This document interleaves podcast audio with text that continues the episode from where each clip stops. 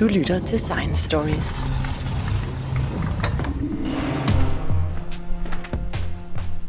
Øh, ja, Stine, hvad, hvad, kigger mig. Hvor skal vi hen?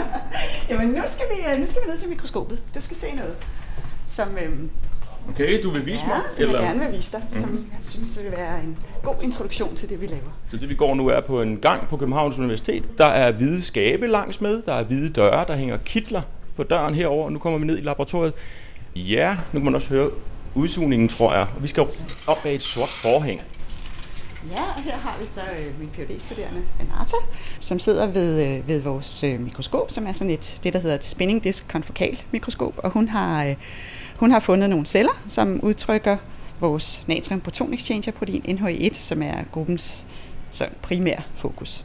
Og det er hovedpersonen i den er her udsendelse, hovedpersonen. NHE1. Men lad os lige prøve at kigge, fordi det rum, vi er kommet ind i nu, det er et, et lidt mindre rum, hvor der står et stort øh, sort mikroskop, og så er der en stor skærm, øh, hvor vi kan se... Ja, hvad er det egentlig, vi kan se, Stine? Jamen det vi kan se, det er øh, en hel masse celler, det kan du nok se her i lysmikroskopet. Og om lidt, så tror jeg, at øh, Renata vil øh, skifte til, øh, ja, det gør hun. Hold da op. Ja, var det ikke smart? Øhm, så nu har hun skiftet det, du nu kan se. Hvis du vil hen og se på skærmen, så kan du nu se, nu kan du se her, hvor fine cellerne er. Altså det, der er nu, er et billede af i røde og blå og gullige nuancer, og så, øh, og så der er sådan nogle, sådan nogle bolde eller nogle sfæriske strukturer, der er, der er helt røde med noget blåt inde i. Det ser faktisk virkelig, virkelig flot ud. Jamen, de er super flotte. Hvad er det? Jamen det, det, er, det, det er, det er, så nu kan du se her i den grønne farve, der kan du faktisk se hovedpersonen her. Der kan du se, hvor fint den sidder i membranen af cellen her, i den grønne farve. Og når du siger, jeg kan så fint se, kan du prøve at beskrive, hvad det er? Jeg, jeg kan nemlig ikke så fint se, men det, det peger du på. Prøv at det, beskrive, hvad det, du det, du ser. kan se, det er, at, øh, at kan du se, at der er meget mere grønt her i kanten af det her, som er en celle. Okay, du peger på en celle nu, og så er der grønt ude i og siden. du kan se, at der er grønt ude i siden af den. Ja. Og det er fordi, at NH1 sidder i, øh, sidder i det, der hedder cellens membran, som er sådan en slags, øh, slags fedtbræmme, som er rundt omkring alle celler, og som isolerer dem fra omverdenen. Øhm, Så det vil sige, at Ja. vores hovedperson, NHE1, sidder altså i, i, i cellemembranen hele vejen rundt om cellen. Det gør den lige præcis. Og det gør den i øh, det her, det er i det her tilfælde, at det, at det celler fra en hamster, som vi bruger, fordi de er praktiske. Men det gør den også i dine celler. Så, øh, så den sidder i, i stort set alle celler i din krop, hele vejen rundt om cellen. Mhm. Og denne her NHE1, den er øh, ikke bare hovedpersonen her i udsendelsen, men også øh, hovedpersonen i din forskning, Stine, øh, som jo er kraftforskning. Men inden vi hopper over i kraftforskningen, så er det sådan, at NHE1 ikke bare er hovedpersonen i din forskning, men sådan set hovedpersonen i vores allesammens eksistens. Fordi i den her udsendelse, der kommer vi også til at kravle rundt i, øh, i livets træ, tror jeg roligt, man kan sige. Vi skal nemlig helt tilbage til vores ældste fælles stamfar, som hedder Luca. Og jeg, jeg har lovet at sige, at det er jo ikke dit forskningsfelt, øh, det, det her med, med den ældste stamfar, altså selve forskningen i Luca, men du vil gerne fortælle om det alligevel, inden vi går i gang med, med, med kraftforskningen. Så skal vi ikke gøre det? Jo. Jeg ved ikke, om vi måske skal gå ned og sætte os på dit kontor igen. Jo, lad os gøre det. Så har vi ro og fred til at snakke om det. Det gør vi. Ja. Så går nok.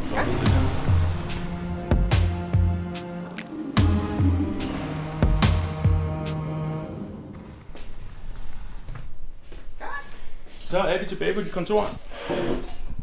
Se, nu så vi jo for et øjeblik siden den her, jeg tøver ikke med at sige smukke celle, for det var faktisk virkelig, virkelig flot. Den lyste meget smukt, og man kunne se, at, at det her protein NHE1 sad i, i, øh, i cellemembranen. Hvorfor er NHE1 så utrolig vigtig for vores celler?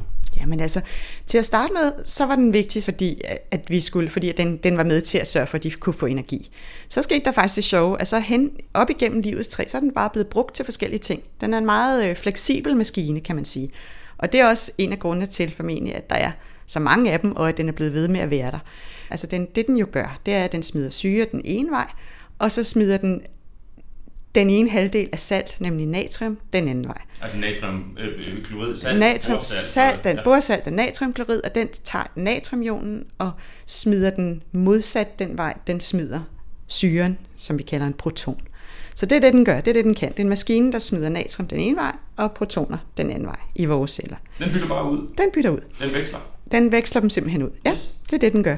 Hvad sker der med en celle? Det lyder som om, det er meget vigtigt at komme af med den her syre fra cellerne. Hvad sker der med cellen, hvis syren ikke kommer ud med den her NHE1? Ja, Jamen det, er, det, det er helt fundamentalt for vores celler. Vores celler har det, det vi kalder en pH-homeostase, som er, som er helt afgørende for, at de fungerer. Det? Og det vil sige, at pH-homeostasen, det betyder bare, at, at hver gang, at der er et lille udsving i din celles pH, så justerer den tilbage igen. Den ved præcis, hvad for en pH den skal have.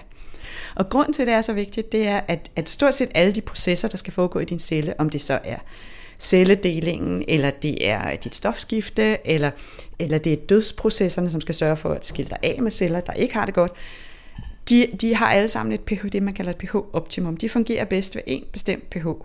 Og hvis de bliver slået ud af kurs i forhold til det, så, så fungerer de ikke, som de skal. Og det kan være både, at, øh, at de fungerer for lidt, Altså helt konkret, så kan man sige, at hvis, hvis vores celler bliver for sure, så slår øh, det meste af vores stofskifte fra. Og så holder de op med Så holder de bare op med at virke. Så det vil sige, at, at hvis ikke at natriumproton exchangeren og andre syre-base-regulerende proteiner er til stede, så fungerer det slet ikke. Okay, det vil altså sige, at når, når, når vi nu taler natrium proton exchanger, eller vi taler membranprotein, eller vi taler syreudsmider, eller hvad det er vi nu, eller vi kalder det NHE1, så er det rent faktisk den samme øh, mekanisme, vi taler om, det samme lille membranprotein, som bare har forskellige navne. Ja, yeah, det er det. Lige præcis.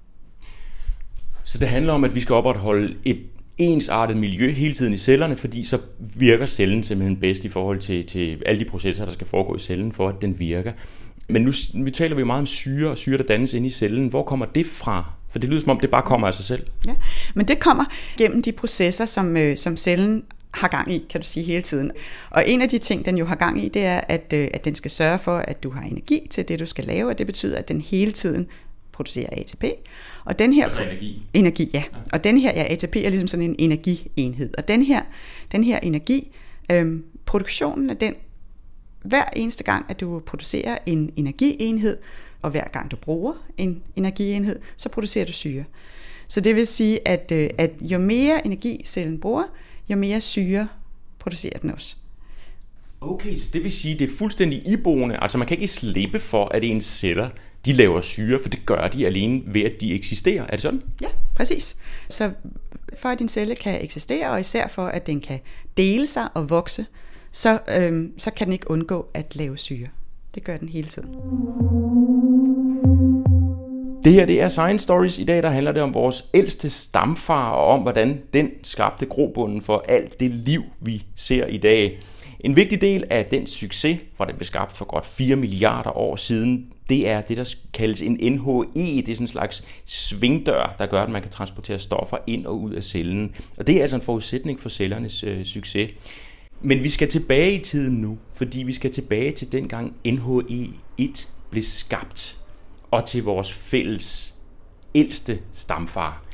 Hvad var det for en type celle, formoder man, Luca var? Mm. Altså Last Universal mm. Common Ancestor kalder vi bare Luca, mm. altså vores ældste øh, fælles stamfar. Hvad er det for en type celle? Altså, hvordan så den ud? Hvad kunne den? Altså, i starten var det jo slet ikke en celle. I starten var det faktisk bare sådan en samling af, af forskelligt organisk materiale, som havde sådan en meget læk membran. Når jeg, når jeg siger, altså den, den, en meget hullet membran, kan man sige. Når, når jeg siger membran, så mener jeg den her fedtbremme, der omgiver cellerne, og, øh, og som, som ligesom isolerer dem fra det omgivende miljø. Ja. Og den membran, den var slet ikke sådan som de celler, som vi har i dag. Den, var, den bestod af, hvad der nu var, mener man, af, fedt i det her miljø, og så var den vældig, vældig læk, som sagt. Og det, at den var læk, det gjorde, at, øh, at man sådan set ikke behøvede så meget øhm, man behøvede ikke så forfærdelig meget maskineri for at drive den her turbine. Så det næste, der så skulle ske, det var, at så skulle den her organisme jo, øhm, jo ud i havet. Og, øh, og for at kunne komme ud og blive fritlevende i havet, så havde den brug for en tæt membran som kunne adskille den fra omgivelserne. Så, så, så noget af det, der har været forudsætningen for, at den kunne fortsætte ud i havet og med tiden blive til os, det var, at den kunne skabe en, en tæt membran. Og da den så havde den her tætte membran, så var den jo så pludselig fuldstændig afhængig af at have proteiner, der kunne transportere ting ind og ud. Fordi det kan man ikke over en fedtmembran. Der kan, man, øh, der kan man kun transportere ganske få simple ting, som gasser og lidt vand og sådan noget. Jamen, hvorfor vil jeg, trans- hvorfor, hvorfor vil jeg gerne transportere ting over min membran? Kan jeg ikke være ligeglad? Fordi at du skal have, du skal for det første, så skal du kunne, kunne tage, du skal kunne optage det her kulstof, som du gerne vil fixere, så for at du kan vokse. Og du skal, med tiden skal du kunne optage næringsstoffer. Du skal have, du skal have, du skal have alle de byggesten, du skal bruge til at vokse med.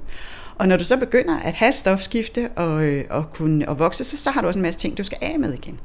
Så det vil sige, at, øh, at, at for at en celle kan eksistere, så er den helt afhængig af at have den her membran og de her transportorganismer, som kan sørge for, at miljøet inde i cellen, det bliver sådan, som det skal være, og det bliver helt anderledes end det, der er udenfor. Og der er NHE1 jo øh, super vigtig i forhold til at transportere stoffer frem og tilbage.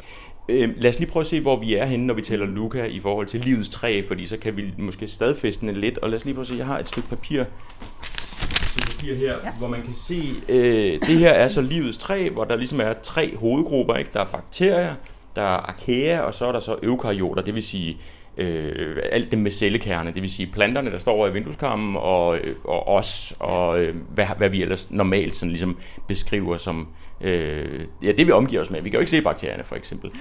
Og, og øhm, kan du prøve at beskrive, hvor ligger Luca hen i det her? Det er jo træ med en masse grene. Ja, så, øh, så Luca ligger jo allerførst. Og, øh, og det vi kan se på det her træ, det er sådan, at altså, den helt, helt oprindelige, helt starten på, øh, på livets træ, som jo er, at øh, på et eller andet tidspunkt, så bliver, vi, bliver der en skillelinje imellem, så opstår der en forskel imellem det, vi kalder bakterier, og det, vi kalder arkebakterier. Og de, de adskiller sig, i virkeligheden ligner de hinanden ret meget, hvis du bare kigger på dem, men de adskiller sig på nogle grundlæggende parametre fra hinanden, og i virkeligheden så ligner de her arkebakterier mere os, kan man sige, end de ligner bakterierne.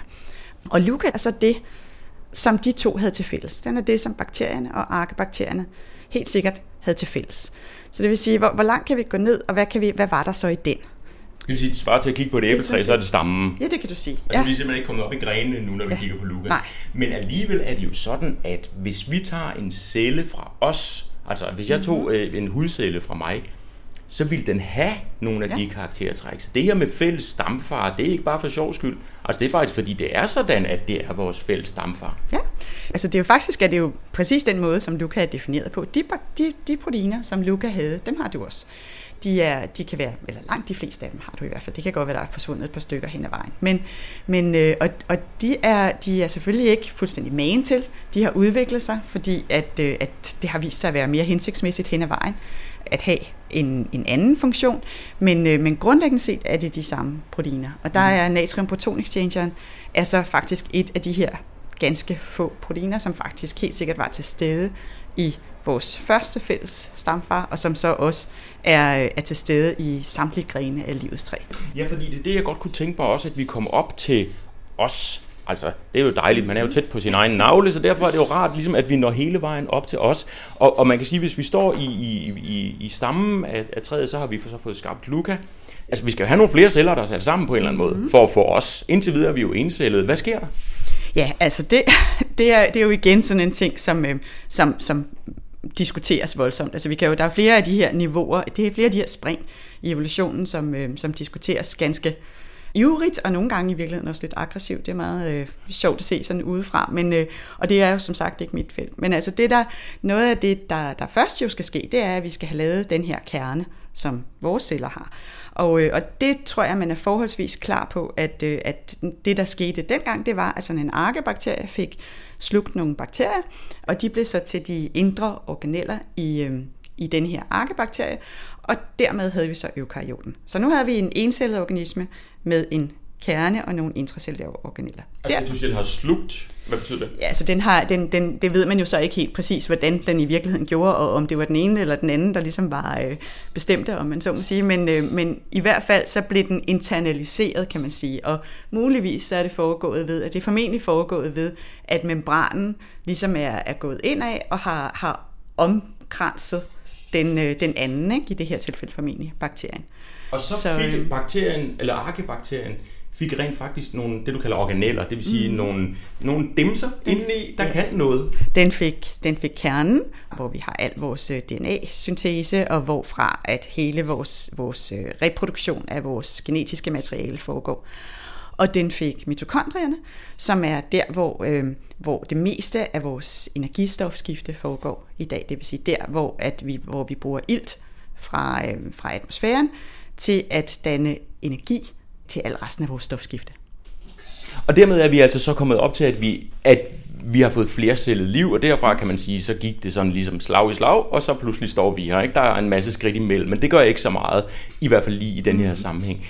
Selve opståen af NHE1, som jo er blandt andet er grundlaget for, at det her nogensinde kunne ske, at vi kan sidde her og snakke sammen, øhm, og alt det her liv, det opstod. Hvordan opstod NHE1? Ja. Men det forstår man jo stadigvæk dårligt. Altså det man ved, det er, altså det, det, er, jo, det er jo alt sammen evolution. Ikke? Det hele handler jo om, at, at som, som jeg startede med at sige, at, at først før at membranen ligesom blev tæt, der var der ikke noget stort behov for at have en, en proteinmaskine, der kunne drive den her, den her transport af, af salt og syre over membranen. Men, men, men for at det her kunne lade sig gøre, at den faktisk blev fritlevende og kom ud i havet og med tiden blev til os, så, så, var, den, så var vi nødt til at, øh, at have noget, som kunne transportere. Og derfor kan man sige, at det er formentlig blevet sådan, at fordi at det her på et eller andet tidspunkt tilfældigvis opstod i en eller anden sammenhæng, der var de rigtige byggesten i det her materiale, pludselig kunne det lade sig gøre, og fordi at det var sket, så fik den her organisme en fordel, som så gjorde, at den fik endnu flere fordele, og med tiden kunne, kunne formere sig og udvikle sig. Ja, fordi der kan jo sagtens have været alle mulige celler, der kunne alt muligt andet, sikkert. men som bare øh, aldrig blev til noget. Ja, ja. Altså, det var bare blandt andet NHE1 og også nogle andre karaktertræk, som gjorde, at det var Luca, der lige præcis blev til vores øh, fælles stamfar.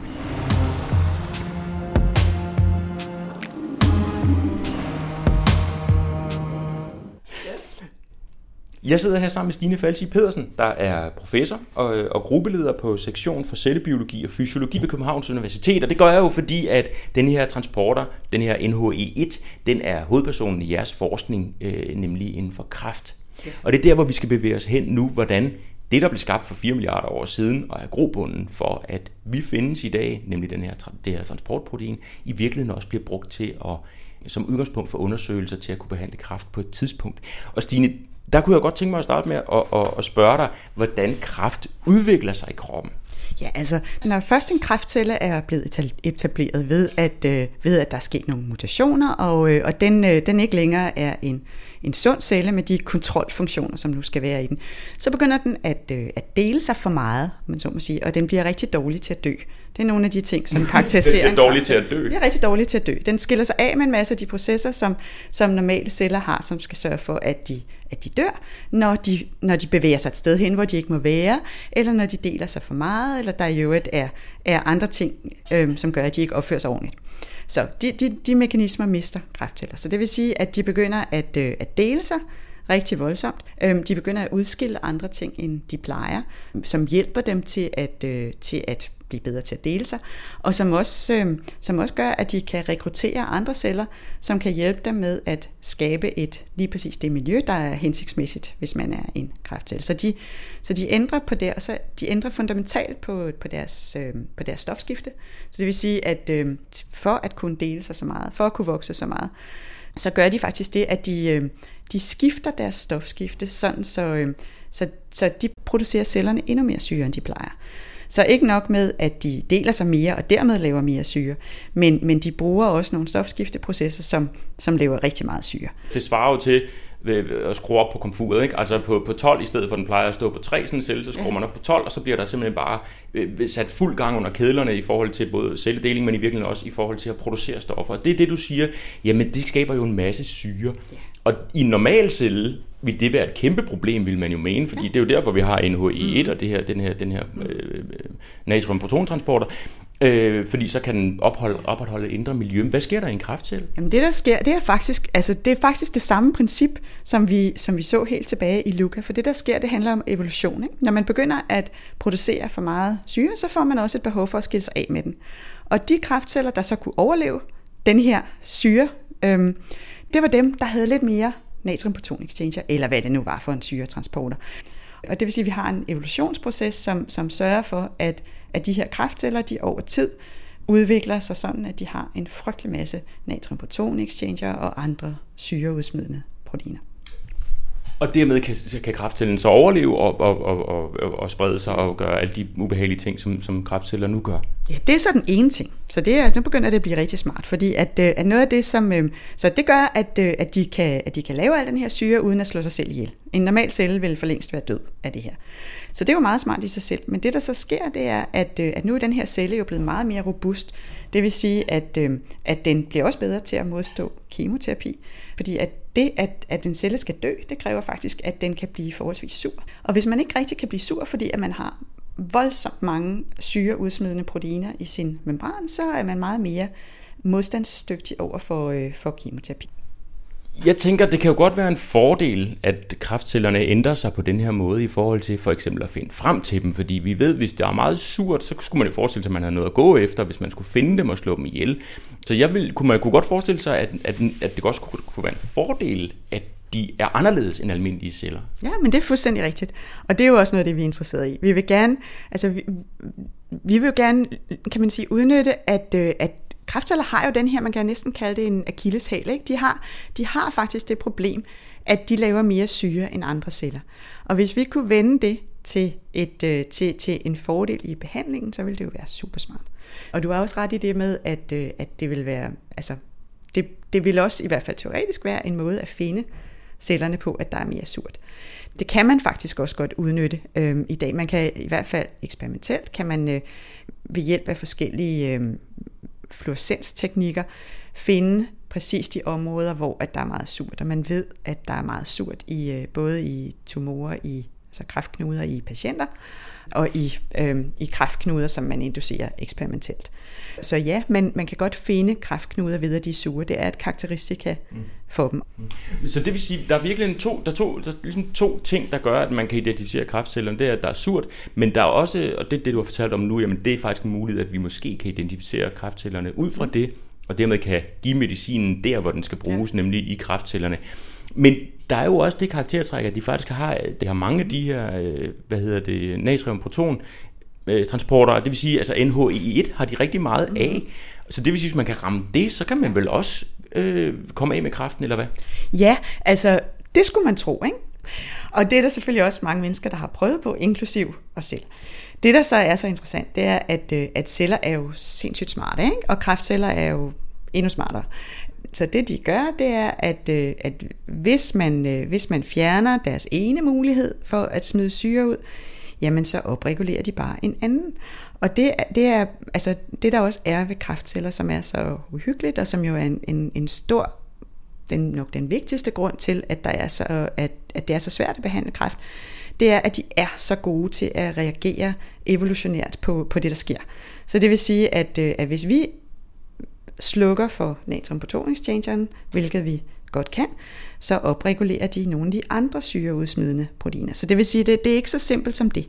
Det betyder ikke, at det ikke er vigtigt, og vi kan se, at hvis vi slukker for natrium natriumprotonexchangeren, så får vi et fald i kræftudviklingen. Øhm, så, så det virker, men, men det virker bare ikke godt nok fordi at de har andre mekanismer, og de opregulerer andre mekanismer. Så man skal, det vi er interesseret i lige nu, det er, om vi kan finde en eller anden måde, hvor vi, hvorpå at vi kan, vi kan både slå natriumprotonexchangeren ud, for det ved vi virker, og så kan vi slå det ud, som, som de kompenserer med, når de ikke længere har mulighed for at bruge deres natriumprotonexchanger. Så det er ligesom det er der, vi er nu. Vi prøver at, at sige, hvad kan, vi, hvad kan vi kombinere, som gør, at nu har de simpelthen ikke en chance og helst så specifikt som overhovedet muligt, ikke? Sådan så, så vi kun rammer de celler, som er kræftcellerne. Og så kommer jo det helt naturlige spørgsmål, nemlig hvor langt er I med det? Fordi mm. hvis man kan det, så er man jo nået et kæmpe skridt i forhold til at behandle kræft. Ja, men øh, og det, det er jo som, øh, som det svar, som du nok som man altid får, når man, øh, når man snakker med, med folk, der arbejder med, øh, med grund, videnskabelig kræftforskning, at der er meget langt igen. Og, øh, og det er der jo fordi, at vi slet ikke ved nok om de her proteiner. Så vi ved en masse. Vi ved, øh, altså, vi ved rigtig meget om, om rigtig mange af deres funktioner i, i kroppen. Vi ved rigtig meget om, hvordan de ser ud, men vi har for eksempel ikke en struktur, en fuld struktur af de her proteiner endnu. Det er noget af det, vi rigtig gerne vil. Så for det første kan man sige, at sådan en struktur der, den er, den er afgørende for, at vi kan lave rigtig gode stoffer, der, kan, der meget præcist kan ramme lige præcis den, vi er interesseret i. kroppen har jo mange natriumproton exchanger, og vi er kun interesseret i NH1. Så, så vi skal kunne ramme NH1 specifikt, og det kan vi først, når vi får nogle bedre stoffer. Så det er den ene ting. Så skal vi forstå, hvad det er, der gør, at cellerne opregulerer andre proteiner, når, de, øh, når vi hæmmer natriumproton exchangeren, og hvordan vi ligesom kan sørge for at, at forhindre dem i det. Og så skal vi så helst kun få de her stoffer, som vi producerer, til at, at ramme lige præcis kræftknuden, og ikke andre steder. Så der er, der er rigtig, rigtig langt igen.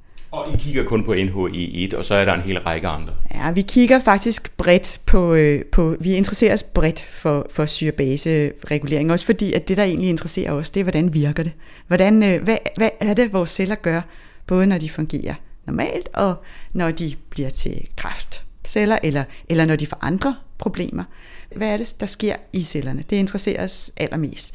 Øhm, mere end om det lige præcis er NH1, eller det er en af dens fædre, om man så må sige. Og der er, der er, der er flere, de, de, de, de har jo alle sammen samme oprindelse. De, alle de her NHE-isoformer i vores celler, de opstår jo fra den her igen, fra det her oprindelige forfaderprotein nede i Luca. Ikke?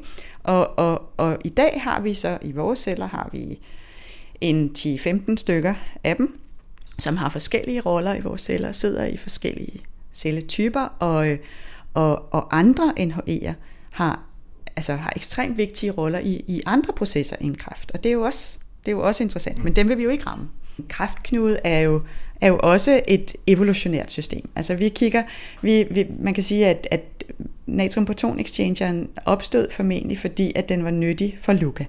Og et, uden den, så, så ville vi ikke have haft, eller det er i hvert fald en model for, hvordan man kan blive en fritlevende organisme der for 4 milliarder år siden.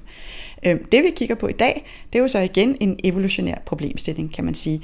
Sådan en kræftcelle, den befinder sig i et miljø, der er enormt aggressivt, og den producerer al den her syre, som den er nødt til at slippe af med for at kunne overleve.